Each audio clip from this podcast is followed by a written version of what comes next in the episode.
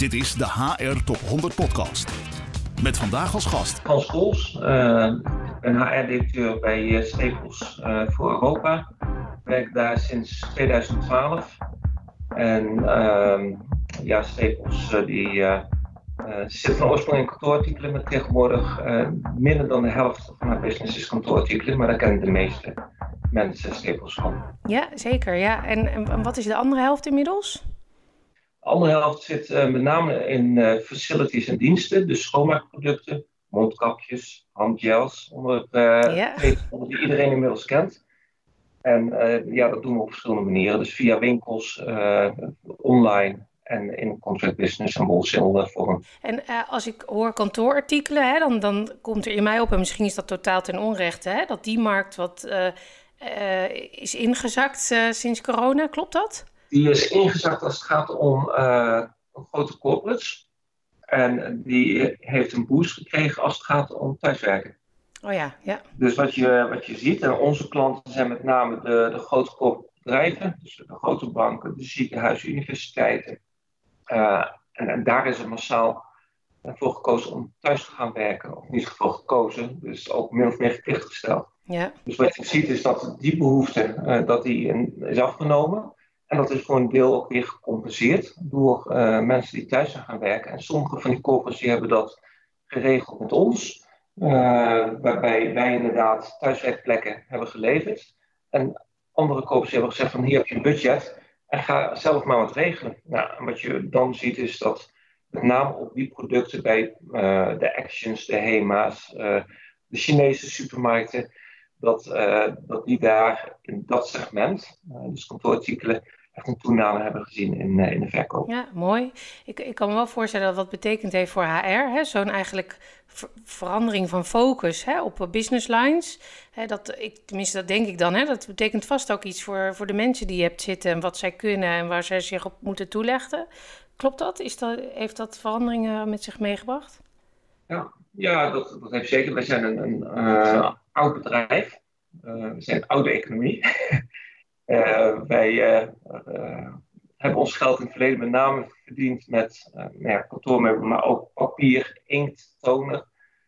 toch wel echt producten die, die horen bij de vorige eeuw, om het zo te zeggen. En dat betekent dat je in andere segmenten terechtkomt, dat je ook andere expertise naar binnen moet halen.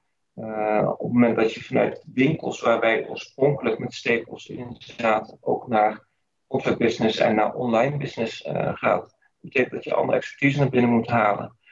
Uh, en dat dat lastig is om die, uh, die metamorfose door te maken. Nou ja, er zijn heel veel voorbeelden van uh, waarbij dat gelukt is en ook weer mislukt. En ook, ja, is natuurlijk een hele mooie, totaal met die bosbouw in een hele andere industrie terechtgekomen en weer daarna totaal de slag gemist. wij hebben tot een jaar of vijf geleden, waren wij na Amazon de grootste online speler in de wereld. Maar die positie hebben we al lang niet meer. Dus je ziet dat dat zo snel verschuift. En uh, dat, uh, nou ja, het is een dooddoende veranderen, is, is een continue, een constante. Maar de snelheid waarmee dat wordt veranderd en, en de hoeveelheid veranderingen. Als ik kijk eh, naar de afgelopen 30 jaar binnen mijn vakgebied, hoe dat we een verandering voorbereiden toen en nu. ja, dat is wel wezenlijk een wereld van verschil. En dat maakt het ook leuk dat is ook de, uh, die pandemie. Verstaan niet verkeerd, maar die is leuk vanuit je HR-professie om te zien van hoe moet je daarmee omgaan. Dat is uniek. Uh, dat is niet iets waar we ervaring mee hebben. Dat, dat overkomt je ook in de dynamiek uh, en, en, de wijze waarop. En ook per land waar we dan in acteren, hoe verschillend dat ermee moet omgaan. Dus dat maakt het gewoon echt geweldig. Dat maakt het mooi om, om aan te werken. Ehm, maar die veranderingsprocessen, als je kijkt naar je structurele situatie, ja, dat is nog het, uh, het, het, meest interessante. Van hoe ga je nou uh, die toekomst borgen van een bedrijf? En, en wat is een toekomst? Hoe lang? Uh, welke termijn? Ja, ja, en hoe snel moet je alweer anticiperen op de volgende verandering? ja, en dat het, het, belangrijkste op dit moment daarin natuurlijk is. Uh, iedereen heeft nu ervaren hoe dat het is om thuis te kunnen werken. Daar waar er eventueel nog twijfels waren of het kan, zijn die twijfels wel weggenomen. En dan kan je een hele goede discussie hebben over hoe efficiënt dat het is versus hoe effectief. Want je mist toch wel een bepaalde groepsdynamiek. Wanneer je bij de koffie met elkaar aan het praten bent. En wat, ik, wat ik zie is dat het best wel lastig is.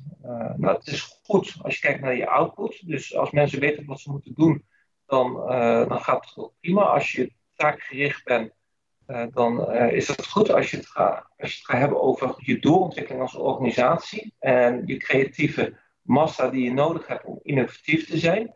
Dan uh, zie ik wel dat puur alleen thuiswerken, dat dat wel ten koste gaat van innovatieve slagkracht als organisatie. En ehm, ja, hoe dat we als we heel even veronderstellen dat een vaccin is met een paar maanden en weer terug zouden kunnen gaan naar waar we waren Zouden we dat dan ook willen? Want dat is uh, de interessante vraag nu voor HR. Uh, en dat is ook een, een, belangrijke vraag die sollicitanten stellen. Want sollicitanten die wij op dit moment uh, aan tafel hebben, die vragen van, goh, uh, kunnen wij straks ook thuis blijven werken? En zo ja, hoeveel dagen? Dus het is niet een onderwerp wat je vooruit kan schrijven, maar waar je inderdaad al over moet hebben gesproken, gediscussieerd en waar je standpunt over moet hebben ingenomen. Dus, dus, dat is ook weer zo'n onderwerp waar, uh, waarvan je nu moet bepalen wat voor organisatie willen we zijn dadelijk. Willen wij uh, terug, willen dat die stoelen warm gehouden worden uh, en willen wij kunnen controleren wat de mensen doen en wanneer het licht uitgaat? Of gaan we naar een hybride vorm? Wat past bij ons? Wat voor soort organisatie willen we zijn? Zodat je nu ook al kan anticiperen en niet alleen naar de arbeidsmarkt, maar ook voor de inrichting van je arbeidsvoorwaarden. Ja, en wat vertel je zo'n sollicitant nu? Nou, we hebben uh, de discussie gehad binnen de organisatie van wat voor organisatie wilden we zijn post-corona. Dus nadat er uh, een vaccin is en we terug zouden kunnen gaan naar uh, volledig op kantoor werken als we het hebben over kantoor. Kijk, voor onze distributiecentra wordt die vraag niet, niet gesteld. Want dat werk kan niet vanuit thuis worden gedaan. Die zijn er in onze winkels, zijn de mensen er. En daar gaan de vragen over van wat voor maatregelen treffen jullie voor een veilige omgeving. Waar ik veilig kan zijn als medewerker en waar de klant veilig is. Uh, als het gaat om kantoorpersoneel, hebben we een aantal data gemaakt. Dus we hebben die discussie uh, gehad. We hebben ook gezegd van per land kan het wezenlijk verschillend zijn. Uh, dus we hebben gezegd van dit vinden wij belangrijk als je ervoor kiest om thuis te mogen werken. Een aantal uitgangspunten hebben benoemd, waarvan een belangrijke is dat een leidinggevende uh, in principe vier dagen per week op kantoor is. Omdat uh, medewerkers waarvan wij zeggen van, we denken het belangrijk is om ook voor een deel van de week op kantoor te zijn, uh, circa 50%. Kan zijn inderdaad de ene week drie dagen, de andere week twee dagen, misschien nog structureel twee dagen. En die leidinggevende moet er zijn om te kunnen coachen en te begeleiden. En om ook inderdaad die kritische massa, om die uh, in beweging te houden. Uh, we hebben ook gezegd dat schoolverlaters, de trainees die bij ons binnenkomen vanuit de universiteit, of de jongens en meiden van, van het MBO en het HBO, het eerste jaar dat je bij ons werkt, moet je minimaal vier dagen in de week, 80%, moet je op kantoor zijn.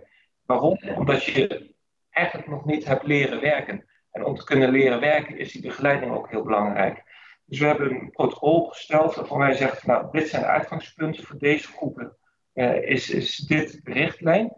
En per land uh, kijken we dan of we inderdaad af moeten werken van die richtlijn, omdat de markt anders is. Uh, want in Italië is het toch een andere manier van werken dan bijvoorbeeld in, in Noorwegen. Dus de, de meer instructiegerichte, taakgerichte manier van werken in Italië versus uh, de sociotechnische inrichting die je kent in, in eh, de Nordics. vraagt ook om een hele andere benadering van het onderwerp. Als ik jou zo hoor, dan zeg je, je noemt eigenlijk een aantal dingen die, waarvan je zegt dat het, daarvoor is belangrijk om op kantoor te komen. Dus eigenlijk leren hoor ik, hè? dus leren werken ook, hè? maar ook gewoon het bedrijf leren kennen. Uh, coachen ook, hè? dus contact eigenlijk, begeleiding daarin.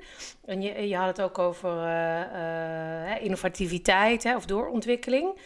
Zijn dat dan ook de onderwerpen waar je dan zo'n werkplek op inricht van de, in de toekomst? Of maak je daar ook aanpassing in? Dus misschien anders dan een kantoortuin bijvoorbeeld?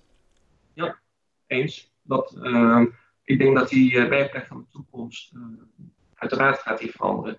Dat de hele kantoormarkt zoals die is veranderd. wat je zal zien is dat het, het hebben van, van een vaste werkplek, dat zal in een aantal gevallen zeker nog wel blijven bestaan. Maar zal in, in totale omvang zal dat afnemen. er, gaat een nieuwe balans komen tussen thuiswerken en op, op kantoor komen. En bedrijven gaan niet vierkante meters in stand houden. Dus je eigen bureau uh, voor twee dagen in de week is eigenlijk ondenkbaar. Dus uh, dat betekent dat, dat we daar een hele grote verschuiving zien. Hoewel ik nog wel een onderscheid wil maken tussen de, grote bedrijven en de randstad versus de regio. Dus ik zie ook hele duidelijke verschillen tussen hoe dat kleinere familiebedrijven omgaan met het onderwerp en toch het belang gaan hechten dat iedereen iedere dag er is. En je ook veel meer een, een arbeidsmarkt ziet uh, bij die familiebedrijven uit de directe omgeving, uit de lokale uh, situaties waar uh, medewerkers op de fiets naar, naar kantoor toe komen. Daar zie je dat het traditionele model zeker wel niet voorbij zal zijn. Maar als we het hebben over de corpus en als we het hebben over de Randstad, waar de vierkante meters ook best wel aan de prijs zijn. Dus als ik bedragen voorbij zie komen aan, aan de Zuidas, dan hebben we het niet inderdaad over 200 euro, ook niet over 300 euro, maar uh, een stuk hoger. Ja, dan gaan bedrijven zich wel afvragen van met zo'n bezetting hebben we dat dan nodig. En dat heeft dan ook gelijk weer ook een impact op alle andere services die eromheen zitten. Dus ja, uh, dan is de vraag van als medewerkers uh, twee dagen, drie dagen in de week naar kantoor komen, hoe ga je dat organiseren? Dus hoe moet die inrichting van dat kantoor zijn? En ehm, dat, dat vraagt veel meer ook om, want wat, wil je als bedrijf? Je wil effectief zijn, niet alleen efficiënt, maar ook effectief. dat vraagt ook om inrichtingen die uitdagen om creatief te kunnen zijn. waar aan de ene kant mensen heel even rustig kunnen, kunnen gaan zitten, maar aan de andere kant ook veel meer uh, situaties waarbij ze bij elkaar kunnen gaan brainstormen. Wat is op dit moment jouw belangrijkste agendapunt? Wat, uh, of jouw hoofdzorg, zeg maar? De, uh, de belangrijkste agendapunten op dit moment voor ons. Um, op één, veiligheid.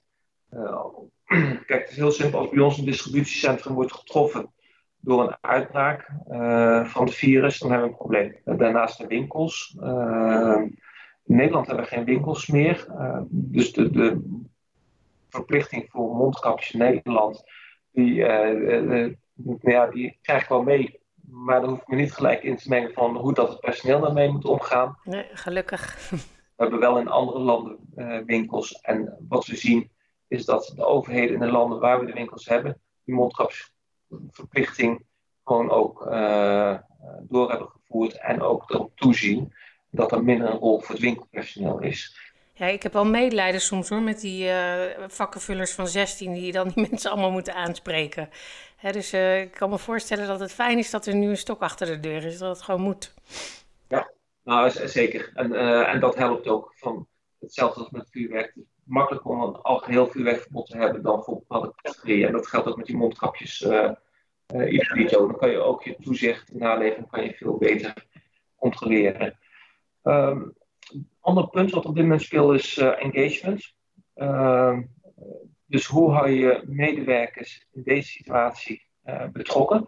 Dus ik heb naast het onderwerp van HR. communicatie is altijd al belangrijk geweest binnen ons vakgebied, maar ik zie inderdaad dat het bijna 50% is van mijn tijd op, op dit moment. Dat gaat over uh, nieuwsbrieven die geïntensiveerd zijn, uh, de town halls. Hoe organiseer je inderdaad als team de teammeetings, de, de, de spellen die er zijn ontstaan, de escape rooms die je op vrijdagmiddag organiseert. En hoe doe je dat inderdaad cross-border, dus tussen de verschillende landen? Hoe kunnen ze erop inschrijven? Welke partijen zijn ervoor geschikt? maar ook uh, bijvoorbeeld de, de mental support. Uh, wat je ziet is inderdaad, wij kunnen hier uh, en op de meeste van onze locaties kunnen we onze kantoren openhouden voor de mensen die het nodig hebben, maar niet iedereen durft er ook gebruik van te maken. En je ziet ook wel sociale situaties die absoluut niet benijdbaar zijn. Ehm, dus wat we hebben gezegd van ja, voor medewerkers die toch moeite hebben om daarover te praten met een leidinggevende, met HR of wie dan ook. Uh, het is belangrijk om een stukje eh, coaching beschikbaar te stellen. Wij maken gebruik van een FINS-programma, AUNTI heet dat.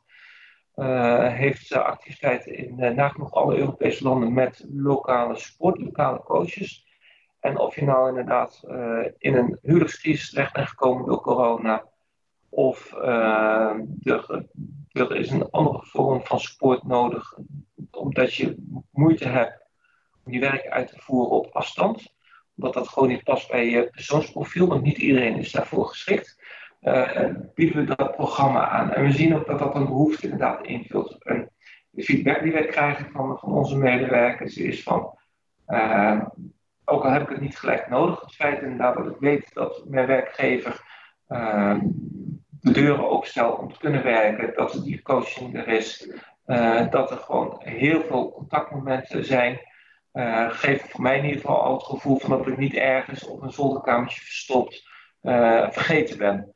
En dat helpt mij inderdaad om gewoon door te kunnen gaan met werk. Zijn er nog, we hebben al heel veel besproken, zijn er nog andere onderwerpen die leuk zijn om te raken? Of zijn... Um, ja, wat zijn andere onderwerpen om te raken? Ik denk dat het belangrijkste op dit moment uh, zal, zal zijn een stukje veiligheid, dus dat gaat niet voorbij. Uh, luchtkwaliteit is ook een hele belangrijke. Dus uh, kantoren, uh, waar we aan de ene kant hebben gestuurd op de uitstoot, dus het hergebruiken van lucht, van, van ook de warme lucht binnen je gebouw. En nu zeg ik, ja, de lucht moet er snel mogelijk uit en moet fris lucht van buiten komen. dus dat, dat is ook een interessante, van hoe ga je, we hebben nu minder CO2-uitstoot omdat er minder verkeer op de weg is. Alleen de resultaten die zijn behaald in het minder stoken binnen kantoren, uh, zal ook een andere balans gaan krijgen. Dus dat is ook een, een interessante. We hebben voordelen die we gaan behalen. Maar er zijn ook inderdaad wel wat, wat nou, andere situaties die we moeten gaan bijstellen. Een andere benadering gaan vragen. En dat geldt denk ik voor ieder vakgebied. Of je nou inderdaad um, in, in, in de productie zit, of je voedsel bereidt, voedsel maakt. Uh, ik denk dat er een, een door deze uh, situatie een soort mindshift gaat komen in, in behoeftes. dat ook zijn effect zal hebben op onze consumptiemaatschappij. En dat heeft dan ook weer een effect op ons winkelbeeld, op het straatbeeld, op we, wat we gaan kopen waar. En wat in het schaffen moet gaan liggen. Dus dat het structureel ook een verandering op gang uh, gaat brengen. Absoluut. Ja, en dan zeg je eigenlijk, hè, dan is het ook onze taak om te zorgen dat dat niet nog meer CO2-uitstoot veroorzaakt. Hè? Of op... Ja, correct. Want, want je zal zien dat sommige zaken een, een, een hoge CO2-uitstoot uh, zullen gaan, uh, gaan geven. ook inderdaad de benadering van 30 jaar geleden als ik een baan accepteerde, en, uh, en ik, ik, accepteerde toen een baan in het noorden van het land, toen moest ik daarvoor verhuizen vanuit Den Haag richting Friesland. En tegenwoordig verhuizen de mensen omdat ze meer ruimte nodig hebben, omdat ze waarschijnlijk nog meer thuis gaan werken. Dus voor een, een deel, zeg ongeveer 40% van de mensen die thuis werken, zal je een verschuiving gaan zien vanuit de Randstad naar buiten toe. En dat heeft ook weer een effect op je arbeidsvoorwaarden. Hoe ga je daarmee om? Dus ja, er zijn, er zijn best wel wat zaken die, eh, die aan elkaar eh, gekoppeld eh, gaan, gaan worden. En waar kijk je zelf het meest naar uit als we dit achter de rug hebben? Wat is het eerste wat je gaat doen als we weer als we in het nieuwe normaal zitten, zeg maar? Ja, wat mis je? Daar, dat is eigenlijk jouw, jouw vraag. wat, ik, wat ik heb gemist is ook wel andere culturen zien. Dus ik, ik ben uh, echt een wereldreiziger. Ik vind het heerlijk om lokaal, uh, in, of nou in Azië is of Zuid-Amerika, en dan ook inderdaad met de rugzak op te ontdekken. Om, om daar ook van te leren en te zien inderdaad wat andere mensen doen.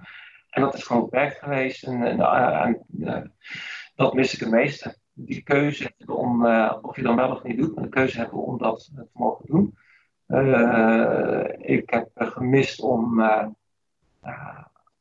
om, om naar ouders en schoonouders te kunnen gaan. Ehm, dus de contacten met, met een aantal mensen die heel erg dierbaar zijn, die dicht bij je staan. die, die om veiligheidsredenen inderdaad niet heb kunnen uitvoeren. En, en dat doet pijn. Ehm, maar we weten ook inderdaad dat het een belangrijk en hooggelegen doel is. En dat, dat helpt. En zoals Merkel heel mooi zei deze week, van laten we zorgen dat we onze grootouders ook volgend jaar met kerst aan tafel kunnen hebben. Ja. Mooi, ja. Nou, dat is zo mooi om mee af te sluiten, wat mij betreft. En heel erg bedankt voor het delen van je, van je verhaal en je visie. Ik denk dat we er veel aan, uh, aan uh, hebben. En uh, ik hoop dat de volgende keer dat ik je spreek, dat je net een mooie reis achter de rug hebt. dat we daar dan mee afsluiten. Nogmaals, heel erg bedankt. Dankjewel, Emke. En een gezond en veilig weekend. Ja, hetzelfde. Dit is de HR Top 100 Podcast.